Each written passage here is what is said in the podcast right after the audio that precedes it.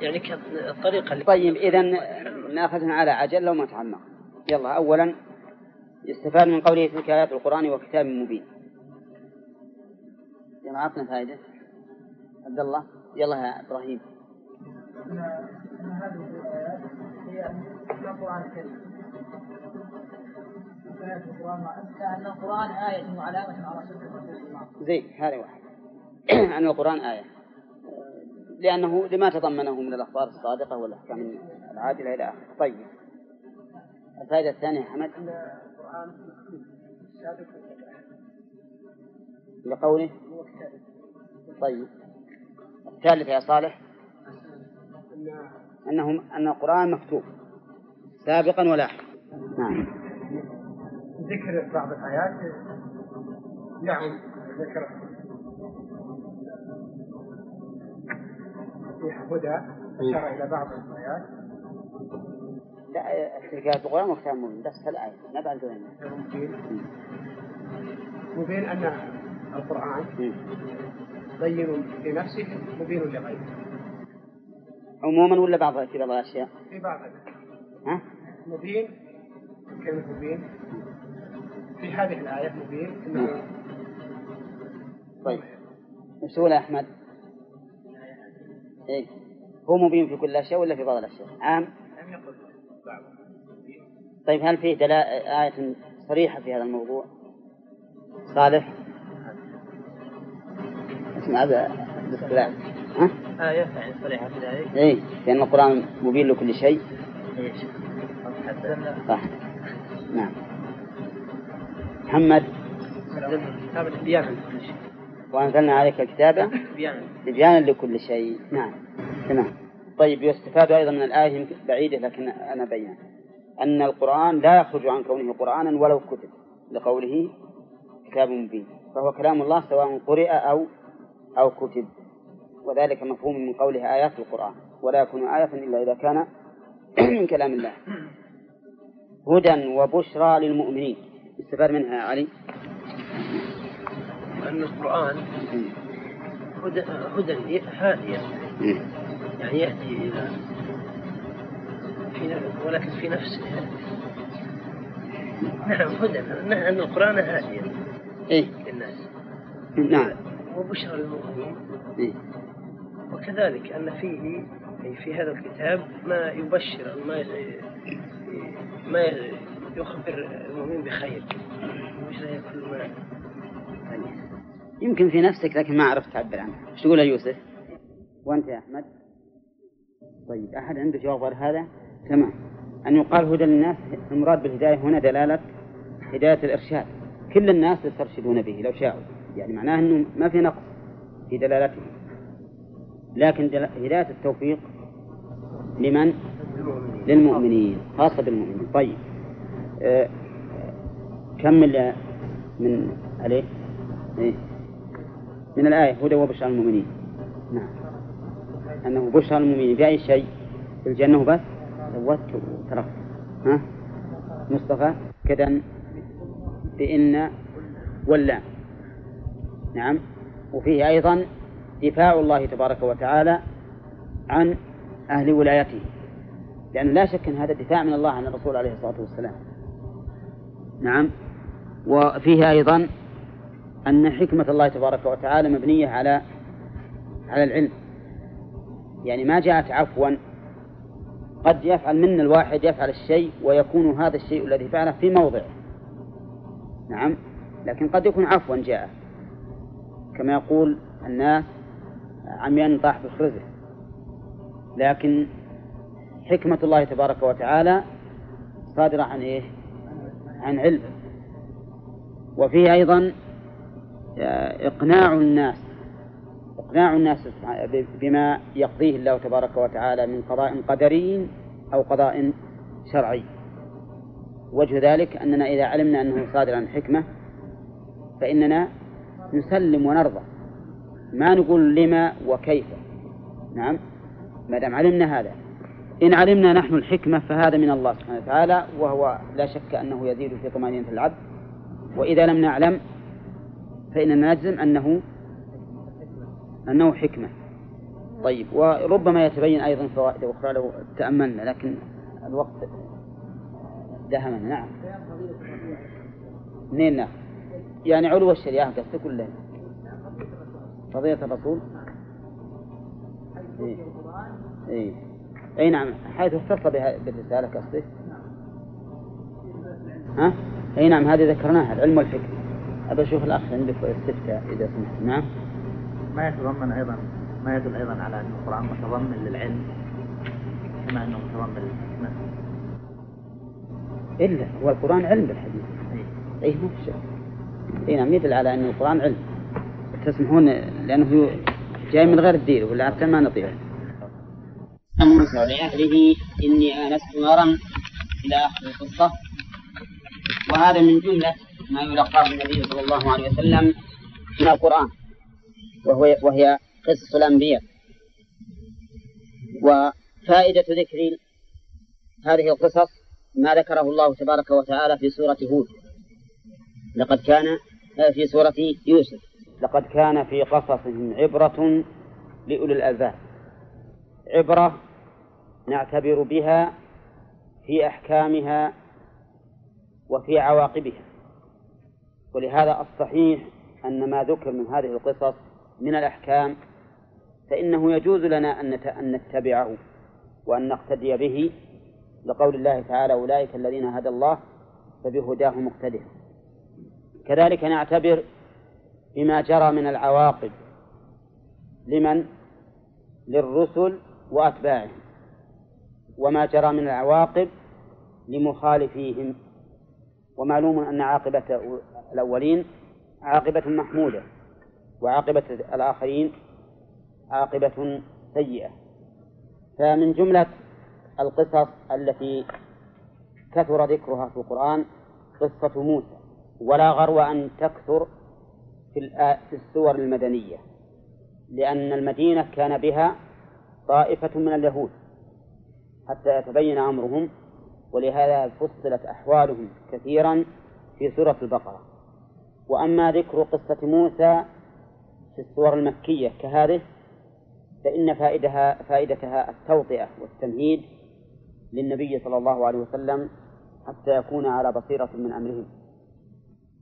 وهذا التوجيه وهو الاستعداد للمستقبل سلكه النبي صلى الله عليه وسلم أخذا بتوجيه القرآن حينما قال لمعاذ بن جبل إنك تأتي قوما أهل كتاب إذ قال موسى لأهله وأظننا تكلمنا عن موسى عليه الصلاة والسلام وأنه موسى بن عمران وأنه أفضل أنبياء بني إسرائيل. لأهله زوجته عند مسيره من مدين إلى مصر.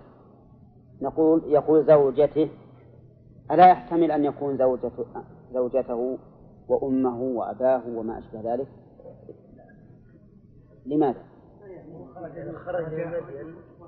لأنه خرج من مصر وحيدا. نعم. خرج وحيدا ثم التقى بالمرأتين ثم اتصل بأبيهما ثم زوجه على أن يجره ثمان حجج وانتهت الحجج.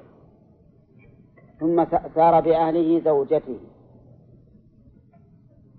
عند مسيره من مدين إلى مصر. وبهذه المناسبة بعض الناس يظنون أن صاحب مدين هو شعيب النبي وليس كذلك. فإن بينه وبين وبين موسى برهة من الزمن وإنما صاحب مدين رجل من أهل مدين. هذا هو الصحيح بلا شك. قال إني آنست أبصرت من بعيد نارا. نعم. لا. ليس ليس بنبي نعم. إيه نعم. إني إذا قال إني آنست جملة إني آنست هذه مقول القول. ولهذا كثرت إن. نعم. كثرت إن. وقال آنست أبصرت من بعيد. آنس بمعنى أبصر. وكونها من بعيد ما يدل عليه اللفظ في الحقيقة. اللهم إلا أن يقال إن الإناث إنه لا يدل على القرب بسبب إنه يدل على الخفاء يدل على الخفاء. والخفاء في النار ما يكون إلا إذا كانت بعيدة. وقوله سآتيكم منها بخبر السين للتنفيس وقد ذكرنا فيما سبق أنها إذا دخلت على الجملة وهي طبعا لا تدخل إلا على المضارع تفيد أمرين. هما لا. ها؟ القرب. والثاني التحقق. القرب والتحقق. سآتيكم منها بقبس. آتيكم ولا أتيكم؟ وش الفرق بين آتيكم وآتيكم؟ آتيكم أي أعطيكم. وأتيكم بمعنى أجيئكم. هكذا يصير ولا ولا خطأ؟ أو آتيكم بمعنى أجيئكم. طيب زين. وأوتيكم بمعنى أعطيكم نصرفها الآن نحن في, في غير الآية. أتيت مضارعة؟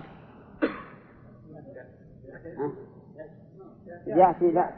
لا أتيت. آتي. كذا آتيت. إي نعم أوتي. أوتي. إذا فآتيكم بمعنى أجيئكم. بمعنى أجيئكم على كل حال. والإنسان أول ما يتبادر إلى ذهنه عليكم السلام. ما هو بالآن؟ ائتنا ائتنا بالجامع. ها؟ أجيئكم بمعنى أجيئكم. وهنا قال سآتيكم وفي آية أخرى لعلي آتيكم. لعلي آتيكم. فهل بينهما فرق؟ أو هما بمعنى واحد وإن قلنا بالفرق فما الجمع؟ شو حمد؟ إيه طيب إذا ما بينهم فرق. ما الجمع؟ القصة واحدة. يأمل. ها. طيب. وليد؟ قوله سآتيكم. عندما كان في الوعد في إيش؟ عندما كان في الوعد إيه. أما قوله لعلي آتيكم عندما اقترب إليها لا هو خاطبهم خاطب أهله. إيه، عندما اقترب من النار لا. ها. أن القصص تروى تروى بالمعنى. ما يخالف المعنى مختلف الآن. إيه. إذا قلنا هذا الترجي وهذا التحقيق. نعم. يوم وجاءه يا شيخ إيه. قال سآتيكم. يوم يئس إيه. قال لعلي آتيكم. أو بالعكس. لا بالعكس. كان أول كان بالأول يت- يترجى نعم. ثم قوي. نعم. هكذا قال بعضهم. لكن يمكن أن يكون بمعنى واحد بدون اختلاف لأن لعل تأتي للتوقع ولا لا؟ ذكرنا فيما سبق في في النحو أن لعل تكون للترجي والإشفاق والتعليل والتوقع. ها؟ إذا صار للتوقع صار معناها التوكيد. صار معناها التوكيد أما إذا قلنا إن لعل للرجاء فهو رجع أولا ثم قوي وجزم به وقال سآتيكم.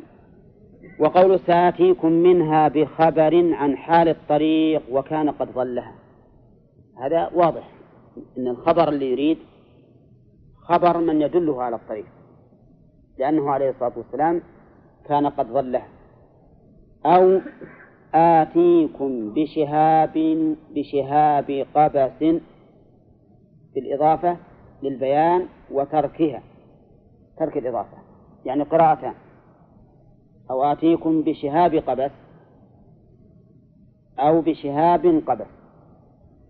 أما بشهاب قبس فهي للبيان كما قال المؤلف والإضافة إذا كانت للبيان فهي على تقدير من مثل ما يقال خاتم حديد.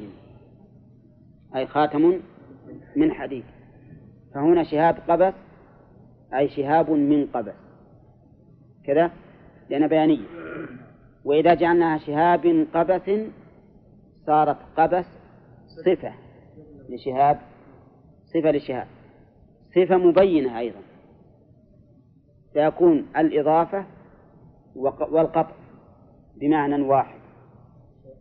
وفي قوله آتيكم بشهاب قبس أو آتيكم هل أو هذه مانعة جمع أو مانعة خلو؟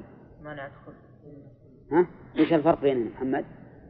مانع الجمع معناها أنه لا بد أن يحدث أحد هذين الأمرين. إنه ما يكون إلا أحد الأمرين إما هذا أو هذا. ومانعة الخلو؟ مانع الخلو أن لا يخلو الأمر من واحد منهما وقد أو منهما جميعا. إيه. مانعة الخلو معناه أنه ما يخلو الأمر من هذا أو من من واحد منهما أو منهما جميعا. كذا. وهي تشبه قول النحويين إن أو تأتي للإباحة وللتخيير وهناك قالوا الإباحة والتخيير إذا كانت في سياق الطلب. تقول مثلا تزوج هندا أو أختها. هذه أول شيء له للتخيير ما تأتي للإباحة. جالس فلانا أو فلانا. هذه للإباحة. كل خبزا أو رزا للإباحة. اللي للإباحة ما تمنع الجمع. واللي للتخيير تمنع الجمع. وإذا كانت أو في خبر فإنهم يسمونها مانعة خلو أو مانعة جمع. طيب إذا هي مانعة خلو بمعنى أنه يمكن يأتيهم بالأمرين جميعا. الدلالة بعد؟ والشهاب القبس. وفهم من هذا الكلام آتيكم بشهاب قبس لعلكم تصطلون أن الليلة كانت باردة. أن الليلة كانت باردة. وما أحوج الضال للطريق في ليلة باردة ما أحوجه إلى نار يصطلي بها وإلى أهل نار يخبرونه عن الطريق. لأن النار معلوم أنها ما تكون وحدها. ولا لا؟ لابد أن عندها أحد يخبر. طيب.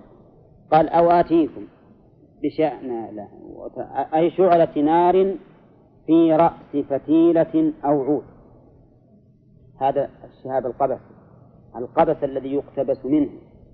وهذه تكون كما قال المؤلف شعلة نار في رأس فتيلة أو عود. لعلكم تصطلون. لعل هنا إيش معناها؟ لا. للتعليل. لعل للتعليل. أي لأجل أن تصطلوا بها. والطاء بدل من تاء الافتعال. شلون الطاء بدل من تاء الافتعال؟ اصطلى. أصلة. اصطلى. بالتاء. على وزن افتعل. ها؟ لكن أبدلت التاء إيش؟ طاء. نعم.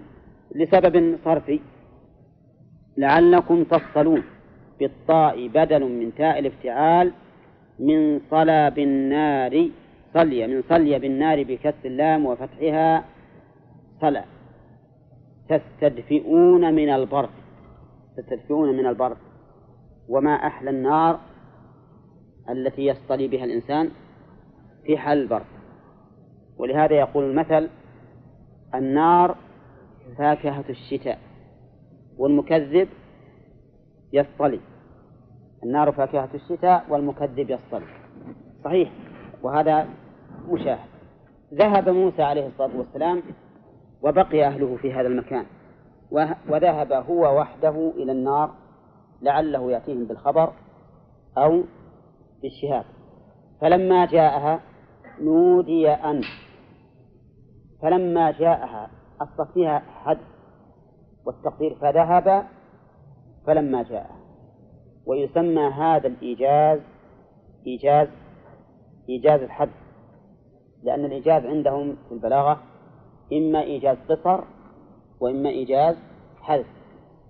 فإذا كانت الجملة القصيرة تش- تشتمل على معاني كثيرة بدون حذف يسمى إيجاز قصر. كقوله تعالى ولكم في القصاص حياة. هذه جملة مختصرة لكنها تتضمن معاني كثيرة معاني كثيرة. يسمي علماء البيان يسمون هذا إيجاز قصر وهو أن تكون الجملة قصيرة لكنها متضمنة لمعاني كثيرة.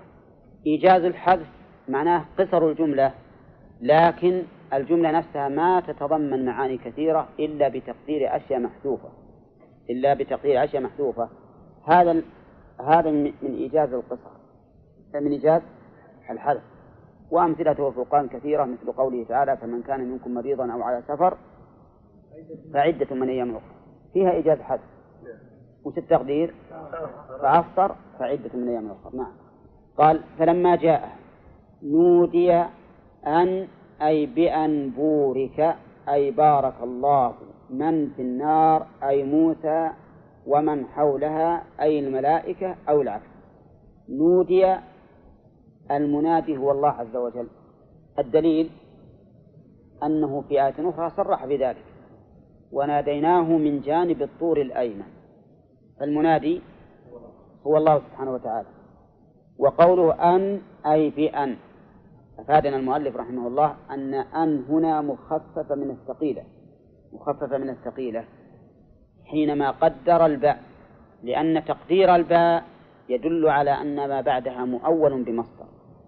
وهناك قول آخر يجعلون أن هنا تفسيرية مثل فأوحينا إليه أن اصنع. نعم أن اصنع الفلك. ويقولون إن نودي متضمن لمعنى القول دون حروفه. وأن إذا سبقت بما يتضمن معنى القول دون حروفه فهي تفسيرية. و ولكن المعنى من حيث من حيث المعنى واحد. إنما الاختلاف بالإعراب. بورك من في النار. قال الشارح أو المفسر أي بارك الله من في النار. بارك الله من في النار. قدر هذا ليبين أن فاعل البركة من؟ الله. أن فاعل البركة الله. وأن بارك يتعدى بنفسه. بارك الله فلانا كما يقال بارك الله في فلان. فهو يتعدى بنفسه ويتعدى بحرف الجر. نعم. على إيش؟ اي لا لا. الآن لما سيقت في اللغة العربية أخذت حكم اللغة العربية. أن تفسيرية على أن على أن أنا فهمت. فهمت كلامك. هذا ما يصح لأن التفسير في الحقيقة بكل الكلام. ترجمة الكلام الذي وقع من الله سبحانه وتعالى لموسى في كل الجمل هذه. مو بس في في في قوله بورك في كل الجملة نعم. أقول ي- يقول المؤلف رحمه الله بارك الله من في النار؟ من إعرابها بدون تقدير المفسر؟ ها؟ اسم موصول في محل رفع نائب فاعل. وقول من في النار أي موسى ومن حولها أي الملائكة.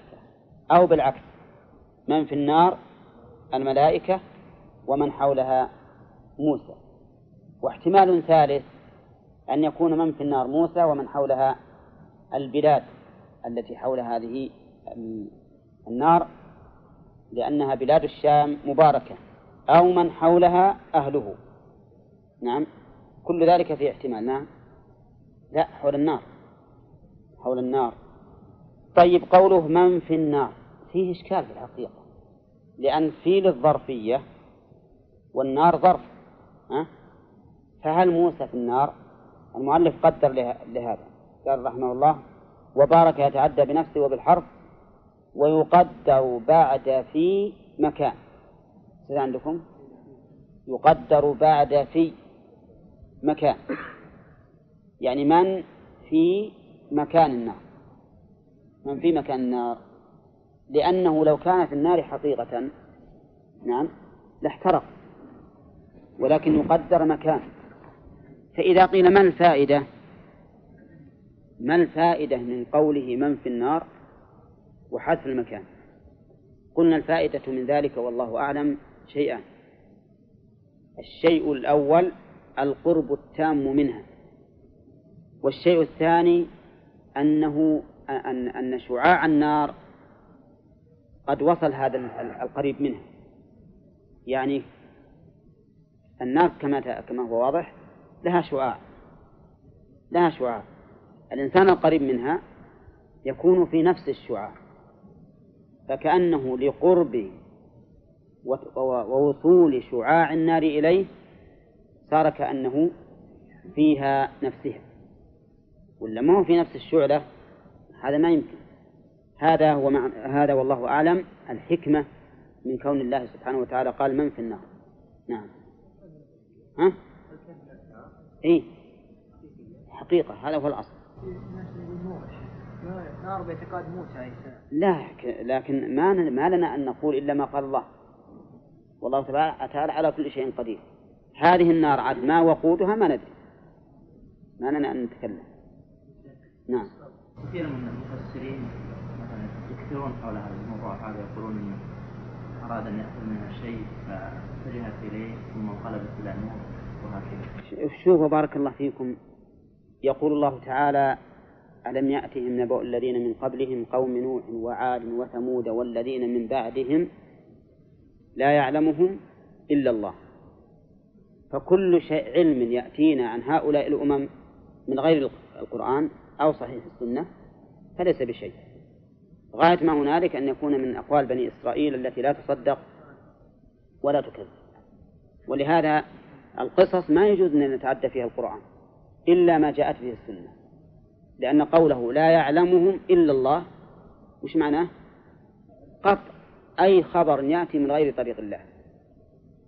لأنه لو كان هناك أخبار صحيحة تأتي من غير الله لكان الله يعلمها وهؤلاء المخبرون أيضا يعلمونها والله تعالى حصر. لا يعلمهم إلا الله. وهذا من أقوى طرق الحصر الذي هو النفي والإثبات. النفي والإثبات. لا يعلمهم إلا الله.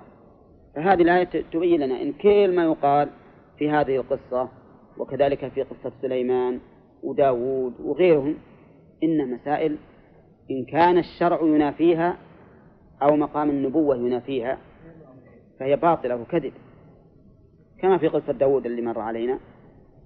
نعم إن هذا أخي له تسعة ناجة إلى آخر وإن كان أنه ما يكذبه موقفنا فيها أن نقول لا نصدق ولا نكذب. أما أن نفسر بها كلام الله فهذا لا يجوز أن يفسر بها كلام الله. نعم. طيب. أنبور نعم. ومن حولها وسبحان الله رب العالمين. وسبحان الله رب العالمين. هل هذه الجملة معلوم معلوم للجميع أن سبحان اسم مصدر وأن عامله محذوف دائما أولى. وأنه ملازم للإضافة. ملازم للإضافة. كل هذا شيء معلوم. وأن معنى سبحان الله أي تنزيه الله سبحانه وتعالى عن كل نقص عن كل نقص وعيب. لكن هل هي الجملة هنا خبرية بمعنى الطلب أو خبرية على ظاهرها؟ نعم. يقول بعض المفسرين إنها تعجيب لموسى تعجيب لموسى يعني بمعنى اعجب وسبح الله سبحانه وتعالى عما لا يليق به وأن هذا الأمر الذي رأيته والكلام الذي سمعت ما هو إلا كلام رب العالمين فسبحان الله رب العالمين. فعلى هذا يكون تكون الجملة الخبرية هنا من حيث المعنى يا آدم. تكون جملة خبرية من حيث المعنى طلبية. أي سبح الله. سبح الله رب العالمين عما لا يليق به. وإذا قلنا إنها على ظاهرها صار معناه ثناء من الله عز وجل المكلم المنادي ثناء من الله على نفسه. أي المعنيين أي المعنيين أشمل؟ الأول الطلبية. الطلبية لأنها تتضمن إذا أمر بها موسى تتضمن أن الله أهل لها. فهذا هو الخبر.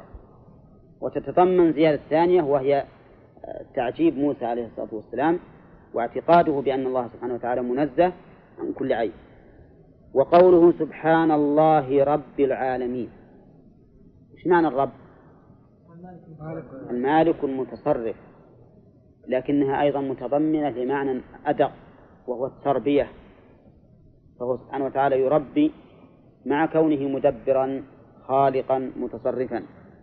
والعالمين كل من سوى الله فهو من العالمين. وسموا عالمين قيل لأنهم علم على خالقهم علم ودليل عليه.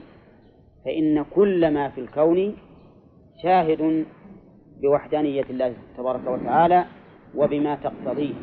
هذه الأكوان من معاني ربوبيته سبحانه وتعالى. وسبحان الله رب العالمين. نعم. نعم. ها؟ معناها أنه يربي عبادة تربية حسية ومعنوية. فالتربية الحسية مثلا لنضرب مثلا بالإنسان.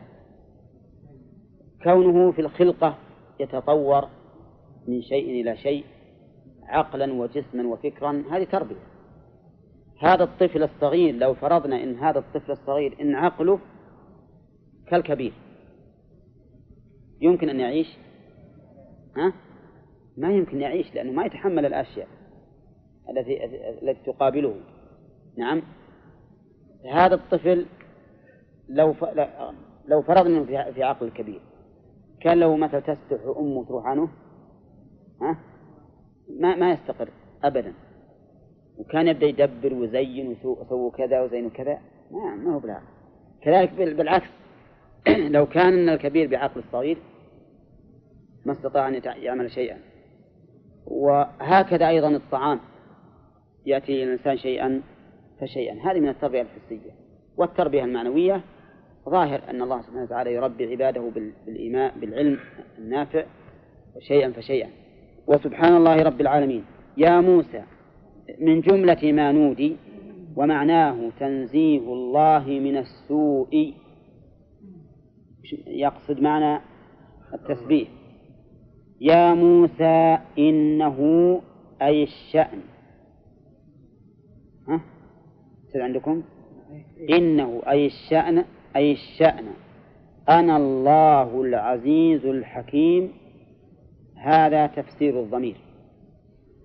ضمير الشان هو ضمير يتصل ويفسر بالجملة التي بعده. فعلى هذا يكون إنه هذا الشام وأنا الله العزيز الحكيم هذه تفسير لهذا الضمير. أما من حيث الإعراب فإننا نقول إن حرف توكيد ينصب الاسم ويرفع الخبر. والها إنه. اسمها. وأنا الله مبتدأ خبر والجملة في محل رفع خبر إن.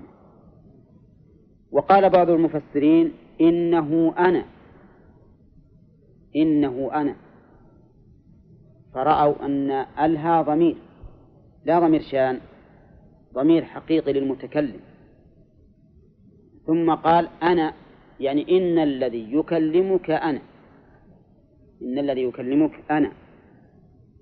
ثم بين هذا الضمير بقوله الله العزيز الحكيم. نعم. لكن ما سلكه المؤلف أقرب وإن كان الثاني محتملا. وفهمتم الفرق بين بين المعنيين؟ الثاني الثاني يقول إن إن ضمير آه إن إن إن حرف توكيد ومرفع الخبر والها اسمها وليس ضمير شان وأنا خبرها نعم. يرون أنا هي الخبر. والأول يرون أنا الله هو الخبر. أنا الله هو الخبر. يعني أن أن الله قال لموسى إنه أنا. يعني إن الذي يكلمك أنا. وكلمة إنه أنا هل يتبين من هو؟ ما يتبين. نعم. ولهذا نهي أن يقول الإنسان إذا استأذن عند الباب وقيل له من؟ فقال أنا. طيب إذا أنا هنا مبهمة. بينت بقوله الله العزيز الحكيم. نعم. يعني يستقيم لكن الأول أقوم. الأول أقوم. إنه أي الشأن أنا الله العزيز الحكيم. فهذا الذي قدر المؤلف أحسن من الذي قدره بعض المفسرين مثل الزمخشري. الله العزيز الحكيم نعم. الله العزيز الحكيم. تصير بيان للضمير. الله مبتدأ والعزيز خبر والحكيم خبر ثاني وهي بيان لأنا. إن إنه أنا الله العزيز الحكيم. قال الله ابتدى بالألوهية. والله تبارك وتعالى هو الاسم العلم على الله الذي لا يسمى به غيره. وجميع ما يأتي من أسماء الله دائما تجدونها تبعا لهذا الاسم. دائما يصدر أسماء الله بكلمة الله لأنه العلم الذي لا يسمى به غيره ثم تأتي الأسماء بعد ذلك تابعة له. والعزيز إيش معناه؟ القوي الذي لا يغلب. القوي الذي لا يغلب. بل هو الغالب. بل هو الغالب. نعم. وقيل إن العزة تنقسم إلى ثلاثة أقسام. ما هي؟ نعم وعزة القهر نعم. وعزة المكان لا. نعم. عزة قهر وعلو لا. عزة الامتناع. عزة الامتناع. وقالوا إن من إنها مشتقة من من من من الأرض العزاز. الأرض العزاز يعني الصلبة القوية ونحن نسميها باللغة العامية عزا. نحذف الزاية الثانية. فالعزيز معناه هو القوي الغالب الذي لا يغلب. إذا قلنا بهذه الثلاثة أتينا بالمعاني الثلاثة. والقدر والامتناع. طيب. وقوله الحكيم تقدم لنا الكلام عليه. وإنما ذكر الله له ذلك ليشعره بأن مآله للعز وأن ما سيوحى إليه فهو حكمة لأن الصادر من العزيز يكون عزيزا ومن الحكيم يكون حكمة. وألق عصاك. عصاه ما هي العصا التي معه؟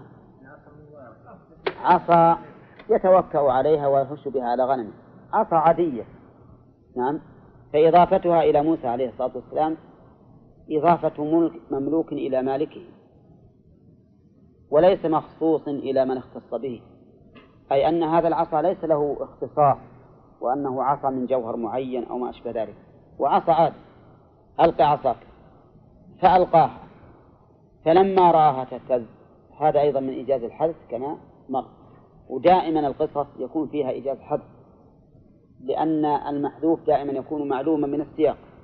فيكون حذفه سهلا وميسرا. وقد قال ابن مالك رحمه الله في الألفية قاعدة من أفيد ما يكون. هو ذكرها في باب المبتدأ وهي صالحة لكل شيء. قال وحذف ما يعلم جائز. وحذف ما يعلم جائز كما تقول زيد بعد من عندكما. وحذف ما يعلم جائز. هذا بالحقيقة قاعدة هذه قاعدة. حذف ما يعلم جائز. طيب. قال فلم فألقاها فلما رآها تهتز تتحرك. ولكن تفسير الاهتزاز بمطلق التحرك فيه نظر. لأن الاهتزاز أبلغ من التحرك. كأن الاهتزاز فيه نوع من القوة والاضطراب كأنها جان حية خفيفة وقيل حية عظيمة وقيل الذكر من الحيات الجان. وأيا كان فإنها صارت هذه العصا اللي كانت بيده عصا. ألقاها فصارت حية تهتز وتتحرك وتضطرب مثل الجان يعني الحية العظيمة ولا مدبرا. لا عندي خفيفة. نعم. نعم. نعم. يطلق على هذا وهذا. من الأسماء المشتركة. نعم. ها؟ فإذا قوله تعالى في سورة طه فإذا فألقاها فإذا هي حية حية تسعى ها؟ لا لا نفس الشيء. القصة واحدة. نعم هو الذي فيه إيجاز لا ما فيه إيجاز الإيجاز في قولك فألقاها. تقدير فألقاها إيجاز ها؟ إلا وألقى عصاك فألقاها. التفسير فألقاه لا لا. هذه جملة محذوفة. نعم. ألقى عصاك تفسيره ضع عصاك إيه، يعني ما هي تفسير هذه؟ فألقي عصاك فلما رآها تهتز لو أخذنا الآية بظاهرها لكانت تهتز وهي بيده قبل أن يلقيها. لكن الآية لابد فيها من شيء محذوف. فألقاها فإذا هي تهتز. يكون الإيجاز عند كل فلما رآها تهتز. قبله. عنده يعني قبله مثل ما قدرها المؤلف. واضح لأن فهمت الإيجاز يكون هناك كلام محذوف. إيه فيكون إيجاز هذا هذا فألقاها محذوف. هو الذي محذوف. إيه هو المحذوف. ولا بد من تقديره. لأنه عليه الصلاة والسلام لما قال ألقى عصاك فلما أراها تهتز لو أخذنا بظاهر القرآن كان لما أمر أن يلق أن يلقي عصاه اهتزت فلا بد من تقدير شيء. نعم. كأنها جان ولا مدبرا ولا هذه جواب لما ولا جواب لما ومدبرا حال. ولا مدبرا يعني هاربا. ولهذا يقول سبحانه وتعالى ولا مدبرا ولم يعقب يرجع. لماذا ولا؟ خوفا من هذا. لأن هذه بطبيعة البشر إن إنسان ألقى عصاه وصار حية تسعى لا بد أن يخاف.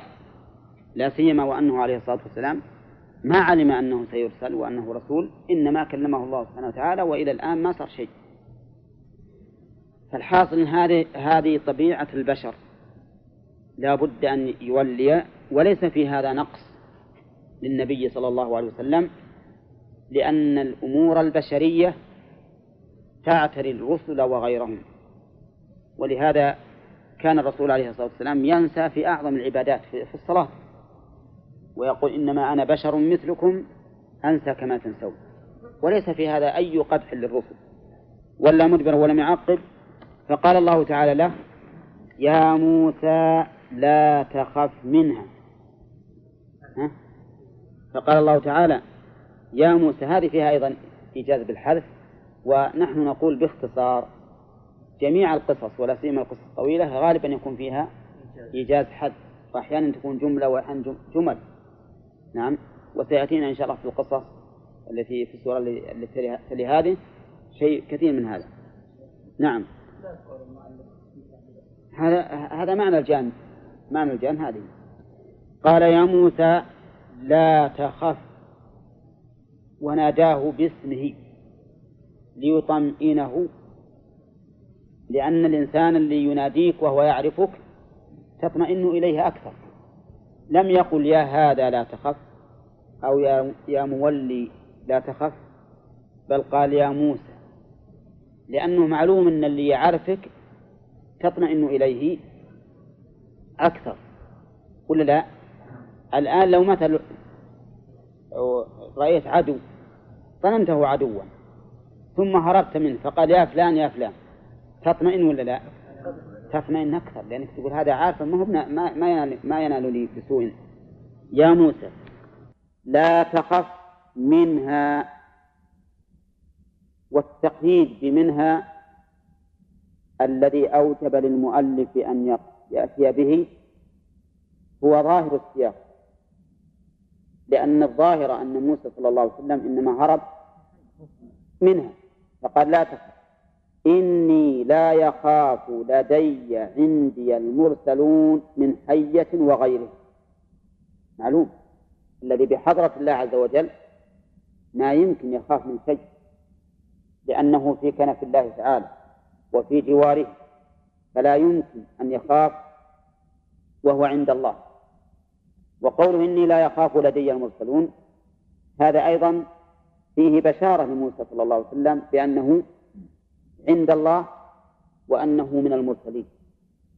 ومعلوم أنه إذا بشر بمثل هذه البشارة سوف يزول عنه الخوف نهائيا وسوف يحل مكان الخوف أمن نعم ومكان الذعر سرور لا تخف إني لا يخاف لدي المرسلون نعم. ها؟ اي نعم اي نعم ما تغير. وهي التي ألقاها أيضا للسحرة وأكلت سحرهم. نعم. لا يخاف لدي المرسلون من حية وغيرها إلا لكن من ظلم نفسه ثم بدل حسنا أتاه. بعد سوء أي تاب فإني غفور رحيم. أقبل التوبة وأغفر له. سبحان الله العظيم. قد يقول قائل ما لهذه الجملة وللكلام الذي قيل إلا من ظلم ثم بدل حسنا بعد بعد سوء لكن موسى عليه الصلاة والسلام لما قال الله له إنه إن إني لا أخاف لدي المرسلون لعله تذكر أنه قد وقع منه خطيئة. وش الخطيئة؟ أنه قتل نفس قتل نفس نعم. وكأنه عندما يتذكر هذا قد يستبعد